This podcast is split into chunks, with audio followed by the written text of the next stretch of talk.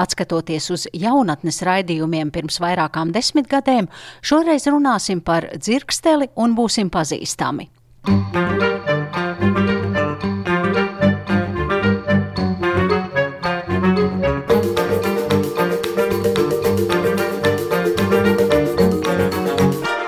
Reiz radio.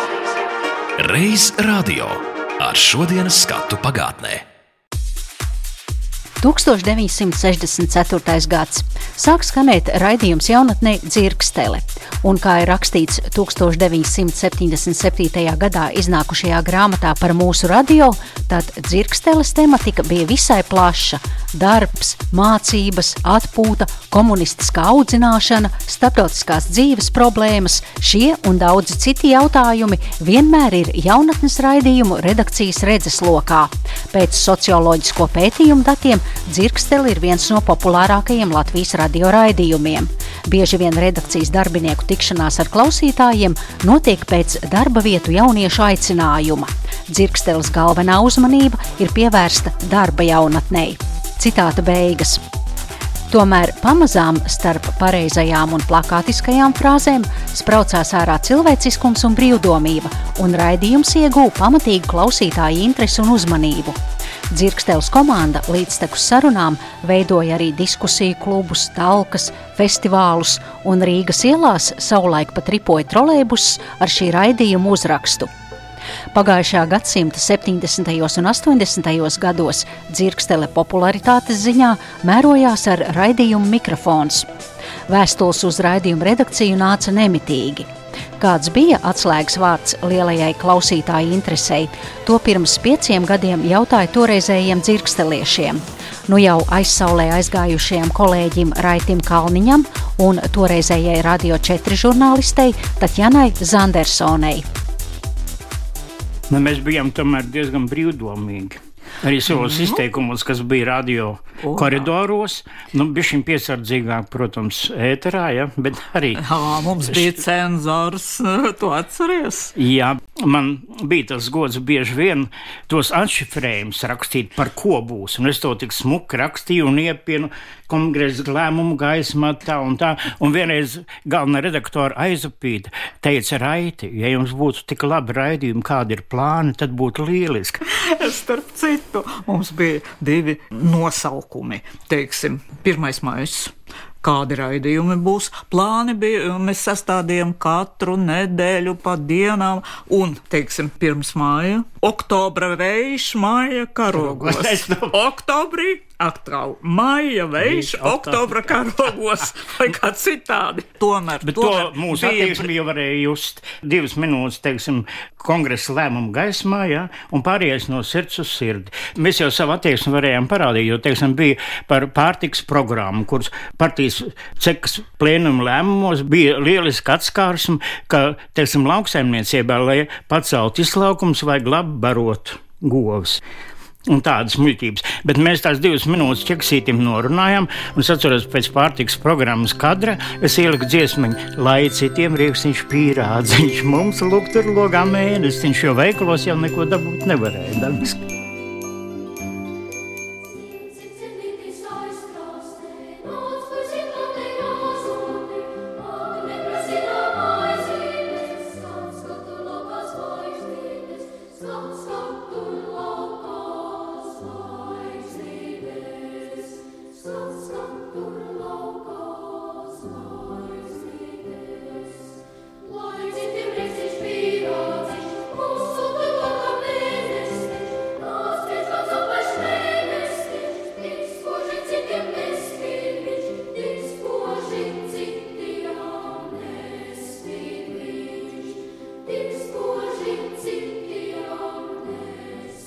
Ņemot vērā lielo klausītāju atsaucību un interesi, dzirkstelē parādās sadaļa Intervē klausītājs, kur cilvēki sūta vēstules ar jautājumiem populārām personām.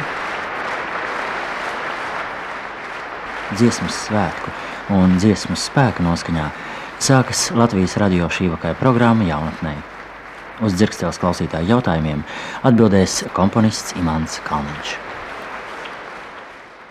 Jūs esat daudz populāru dziesmu autors, rakstmāja Neimani. Tas Ir dziesmas gan ar Mārtu Čaklā, gan arī ar vāciešu, gan Imants Ziedoņu, Andreju Upīšu, un Rainu un Čaku un vēl daudz citu dzinieku tekstiem. Man interesē šāds jautājums. Kā jūs izvēlaties tekstus savām dziesmām un kur ir jūsu mīļākie dzinieki? Izvēle notiek divos veidos. Pirmkārt, ja man ir vajadzīgs teksts kādam speciālam nolūkam, un otrkārt, ja man nejauši gadās kāds teksts, kur es gribu, lai viņš būtu dziesma, piemēram. Mīļākie dzinieki man ir ārkārtīgi daudz. Mīļākie dzinieki man ir visi pasaules labākie dzinieki. Ligits Jansons jautājums, jūsu domas par dzīslu saprotamību un nesaprotamību? Par to daudz šķēpu laust. Te ir jāatbild ar humoru. Man gribās atbildēt ar vienu vācu rakstnieku un domātāju teicienu, kurš bija publicēts zvaigznē. Grāmata ir kā spogulis, paskatīsies mērkaķis apust to Tas bija fragments no 1978. gada raidījuma ieraksta, kur Raitas Kalniņš uzdod klausītāju jautājumus komponistam Imantam Kalniņam.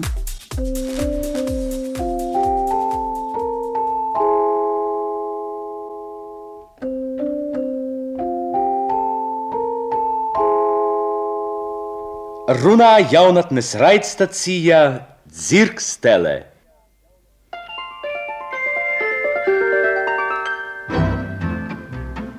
Tā raidījuma dzirksteles signāls skanēja 60. gados. un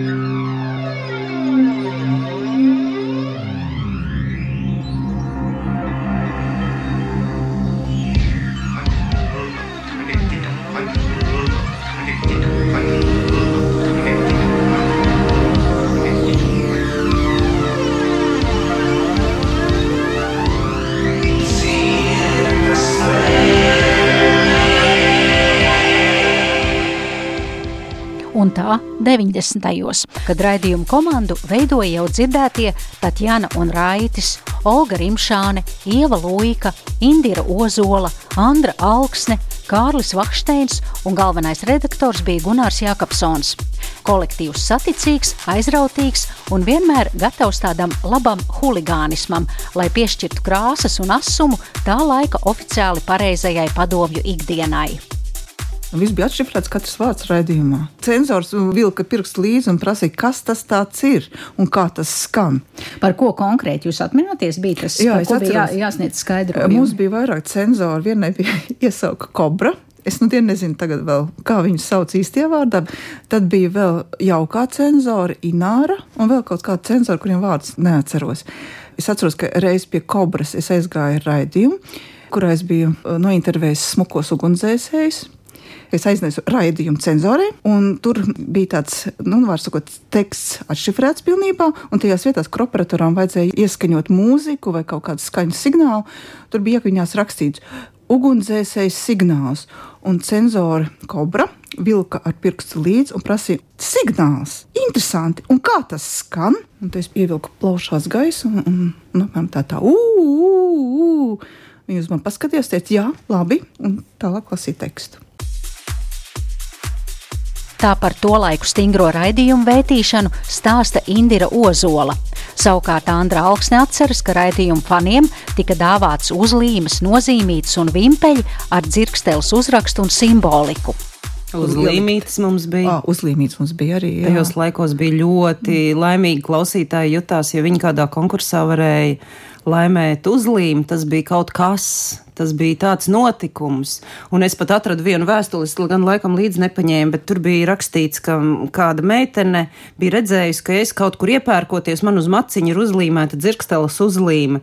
Un jaunieši bija nākuši un lūguši, ka viņi ar tādu grib, un man tur kādas bija līdzi dažas, tās es biju iedevusi, un tai meitenei bija pietrūcis. Un tad viņi rakstīja uz dzirksteli vēstuli, vai tomēr varētu viņai atsūtīt šo uzlīmi, jo tas ir kaut kas. Ja? Šobrīd tas šķiet, nu, tāds maidu izsauc. Šodien ir varbūt skolas bērniem iPhone, ar ko lielīties to Jā. laiku uz penāļa, Jā. O. dzirksteles uzlīme. Jā, un tu biji O. pirmais puisis Un vai meitene ciemā. Jā, tieši tā tas arī bija. Par godu raidījumam kādā Dobeles rajona kolhoza fermā viena gotiņa tika pie vārda dzirkstele, un uz redakciju pat tika nosūtīta šī ragu lopiņa cilts grāmata.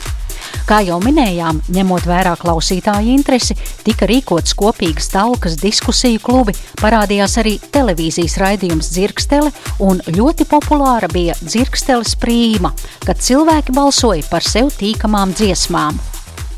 Cirksels brīvība bija nu, tāda aptāja par populārāko dziesmu, ko cilvēki Latvijā uzskatīja par labāko dziesmu. Viņi balsoja bez jebkādiem noteikumiem. Bet, Indri, mēs... bet tu varētu izstāstīt beidzot uh, publiski. Ko tad? Stāstu par dzirksteles prīmu, par grupu Jumpravu un par dziesmu Ziemas prieki. Jā, man tagad šausmīgi ir jāatvainojas visiem tiem, kas ir, kas ir balsojuši par dziesmu brīnišķīgo Jumpravas dziesmu Ziemas prieki. Tā dziesma sakāp līdz pirmajai vietai cilvēki tiešām daudz rakstīja un patika un izteica viedokli par šajā, šajā dziesmā. Ir tikai viens, bet tikai dziesma vēl nav sacerēta. Pašas dziesmas nebija. Tā ideja mums radās, atceros, Liepājā. Arvīts Babers piedalījās. Bet Aigars nu, Grāvers gan bija tajā lemšanā, man šķiet. Jā, mums radās doma izdomāt dziesmas nosaukumu, pamest publikai, un lai viņi prīmā balso par viņu un sāka nākt. Neatskaņojot. Neatskaņojot, jā. Un nu, publika ne, un publikai nu, nevajadzēja atskaņot šo dziesmu. Publika, bet publika visa bija bijusi koncertos. Un, un visi bija dzirdējuši. Un visi bija un dzirdējuši. Visiem patika. Un visiem ļoti patika, ļoti bezgalīgi. Tā bija labākā dziesma Latvijā. Ziemas prieki. Cilvēki rakstīja vēstules, Jā. balsoja par Junkraus dziesmu Ziemas prieki. Jā, un arī par un... Junkrau tajā pašā laikā. Un viss, viņi nokļuva listē pirmajā vietā, top viens pirmajā vietā topā. Bet atskaņot nekad nepieprasīja. Jā, mēs šausmīgi baidījāmies no tā brīža, ka mūs atmaskos, un mēs pat nezinājām, godīgi sakot, kā no tās situācijas, lai iziet. Bet... Jo tā spēle uz, tika uzsākta absolūti nevainīgi. Ja paskatīties, kā reaģē klausītājs, izdzirdot kaut kādu jaunu dziesmas nosaukumu, zinot, ka jumprau to brīdi ir ļoti, ļoti populāra, pieprasīta, ja, un kā vienkārši darbojas šī masu psihoze attiecībā uz populāru grupu, nu, tad tie ziemas prieki bija, jā, bet kā Ziemas... tas viss beidzās, tur Es domāju, ka vienkārši radās kaut kāda cita dziesma, kas pēkšņi Jā. pārsita to popularitāti. Gluži vienkārši mm. kāda grupa bija kaut ko sacījusi. Varbūt tā pati jumpa, man grūti pateikt, es neatceros. Ja, tas bija sen, ja? bet ziemas prieka, ka tā mierīgi tā no tās pirmās vietas atvirzījās, atvirzījās. Un tajā mēnesī, kad viņi vienkārši jau izbira ārā no tās aptaujas, es domāju, tā nu, paldies Dievam. Un neviens pēc tam neko nejautāja. Man rādās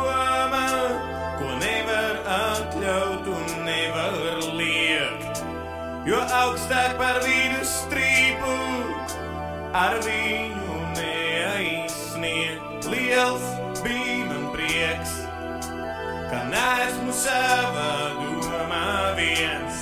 Tik liels bija man radniecīgo pulks. Reiz radio. Līdzās raidījumam Dzirkstele pagājušā gadsimta 80. gadu sākumā ēterā skanējumu sāk vēl viens jauniešiem domāts raidījums - Būsim pazīstami. Šajā raidījumā klausītājus iepazīstina ar ārzemju mūzikas jaunumiem. Ar šiem signāliem sev arī turpmāk pieteiks programma Būsim pazīstami. Bet tagad uz dažām minūtēm aicinu atcerēties leģendāros slēdi. Šī dziesma sauksies Rock'n'Rolla apustulis. Pirms daudziem mēnešiem iznāca Alena Pārsona plate Acis debesīs, taču tikai gadu nogalē tuvojoties titulu dziesmu spējusi nokļūt dziesmu tabulu pirmajā pieciniekā. Don't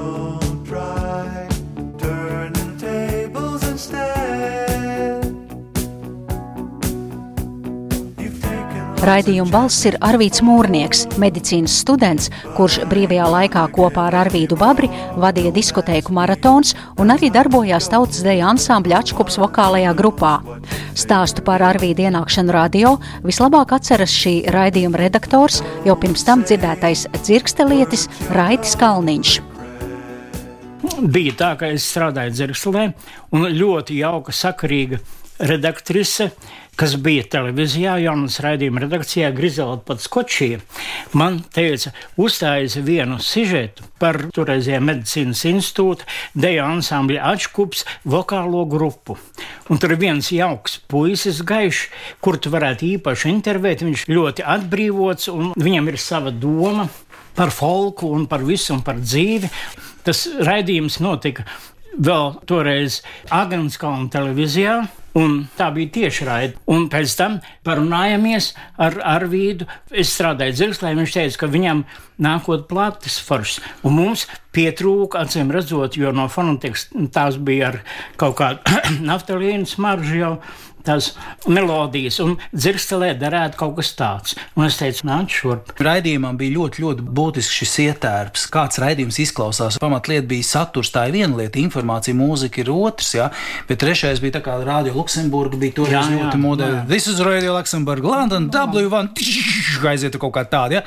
Un tu esi saklausies, un tev gribas kaut ko vietēju uztaisīt tādu. Būsim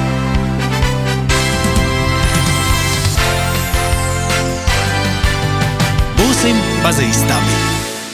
Un to arī, lai būtu emocionāli un atbilstoši tai dziesmai, viņš izvēlējās dzīslas vārdus, skaistus. Daļa no pasaules pārklājas ar baltu un pūkainu segu un nozūd sastingušā ziemas miegā. Cilvēki, aizveriet uz dažiem mirkļiem acis, tad neredzēsiet sevi. Šai brīdī atcerieties savu māti, tēvu, draugus, pieminiet pašneturēto vārdu, lausto solījumu, nepaveikto darbu, savu skolu un ar to saistītos parādus. Mīlestību arī piesauciet.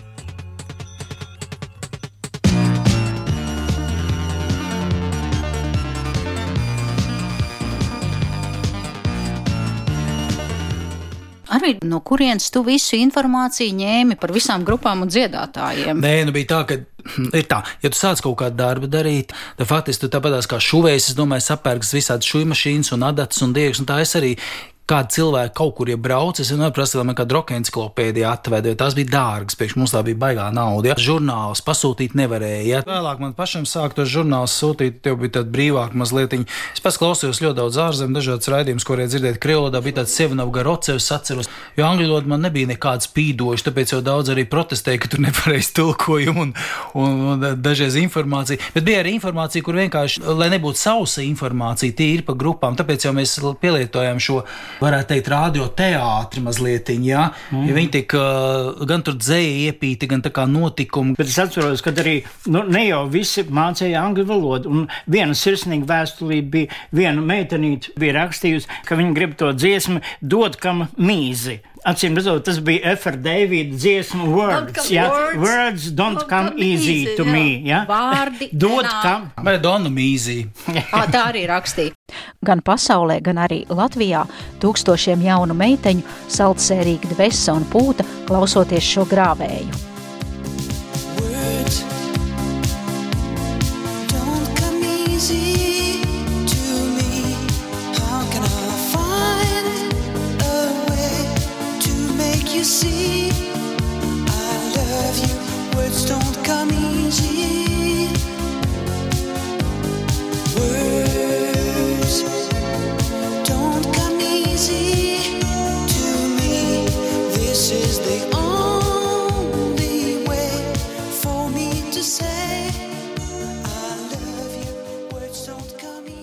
Raidījuma komandā tolaik vēl bija montāžas operātore Ilze Aldre un muzikālais redaktors Edvīns Melnauksnis. Tā kā raidījumā varēja balsot par populārāko dziesmu, tad vēstules nāca kaudzēm. Jaunieši ieviesa kladus, kur rakstīja kādu dziesmu, kurā vietā ierindojas, un arī šī raidījuma veidotāji savos pusauģa gados uzrakstīja raidījumam šādas rindas. Arvīda Mūrnieka, kā Pēteris I savā laikā izcirta logu uz Eiropu, tā tu ar saviem raidījumiem esi izcirtis logu uz mūzikas pasauli. Vēstules nāca, jaunieši tupēja pie radioaparātiem un dziesmas pārrakstīja lentās vai kasetēs, un toreiz pēc ārzemju mūzikas ilgās iztvīkušie klausītāji, lai varētu paklausīties iemīļotās melodijas, pat pulcējās pie radiomājas sienām, kur puspagrabā atradās montāžas studijas. Tur bija baru bariem, un mēs uzlikām skaļāk to mūziku. Viņi Klausījās. zināja, ka mēs kopējam Jā, un, un veidojam raidījumus. Jā, tur bija vesela fanu grupa. Bet jauniešiem varēja būt Lab, tas lab. populārākais raidījums, Jā. tāpēc, Jā. ka es pat atceros, ka bija no skolām vēstules no skolotājiem, kur viņi lūdz vēstulēs, lai pārliek raidījumu laiku, lai nav tā, ka dienas laikā bija atkārtojums, nemaldos kaut kādās dienās, mm. otrdien vai kad, ka tajā laikā pazūd, nav bērni, nu, visi vai nu zēni stabās, meitiņas stabās tur saslēgušies toletēs kaut kur, jā, un, un vakaros arī, lai liek ātrāk to raidījumu, ja atkal neiet gulēt, var cikot, tas bija tāds, ko viss baigi gaidīja, ka tā kā notikums numur viens tajā nedēļā bija. Viss bija ļoti godīgi. Jā. Vienīgi negodīgs kādreiz lietas bija tādas, ka, nu, piemēram, vajadzēja papildus kaut kādu informāciju, un es nevarēju atrast. Nebija ne interneta, nekā, piemēram, es domāju, Rots Stewards, divas dziesmas Passion bija, un tas Daya Think I'm Sexy. Un vai var- nevar izdomāt par Rotu Stewardu, un tā ir man māmu uzcep uz pankūks, nāc ēst, bet zemeņa ievārījuma nav brūkliņa, tikai būs, man brūkliņa negaršo kaut kāds rūks likās tajā laikā. Atnāk atpakaļ, paaizdoma viss tātad Rodam Stjortam, ko lai pa viņu pasaka, ah, Rodam Stjortam ļoti garšo mammas ceptās pankūks un brokleņa ievārījums. Un to pieliec tekstā un aiziet. Visi cilvēki zina, ka tiešām viņam garšo. Izrādās Amerikā brokleņas vispār nemaz nav. nu, bet ne tas tā. Dziesma numur viens. And you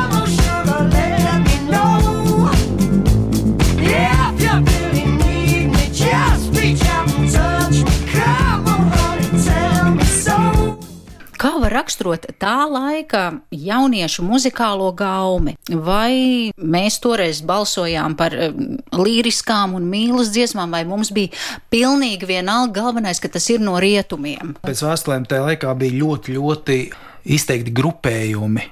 Bija tādi, kas atbalsta tikai hard, heavy, trash metālu, visādi sex pistols, kas jau visādi tāda alternatīva. Tad bija alternatīvās mūzikas piekritēji, tādi, kas saka ar labo roku, kas kreiso ausu. Ja? Tā man ideja bija nepasniegt to mūziku vienveidīgi, kaut kā tikai modern talking vai tikai depešu modu. Jo depešu modu ienīst modern talking, tie ienīst depešu modu. Ja? Lai nebūtu šāda situācija, pa vidu bija viss kaut kas, bet, protams, to virsroku jau gūt tajos topos un tajās aptaujās parastās bija tās melodiskās dziesmas, kur sakot, tautai patīk. No šlāgeres vairāk, kas iet uz mazliet uz šlāgeru, vēl uz meldiņiem, ja? vai nu kaut kas agresīvs, pilnīgi kaut kas nesaprotams arī, ja? tā arī kādreiz, nu kā protests. Jo daudz jauniešu jau protestēja. Mūzika tas bija kā protesta veids pret savu tēvu, māmu, nedrīkst un tā. Uz šīs nots arī skan kārtējais radio vēstures raidījums, un to kā ierasts veidoja Zane Lāce. Reiz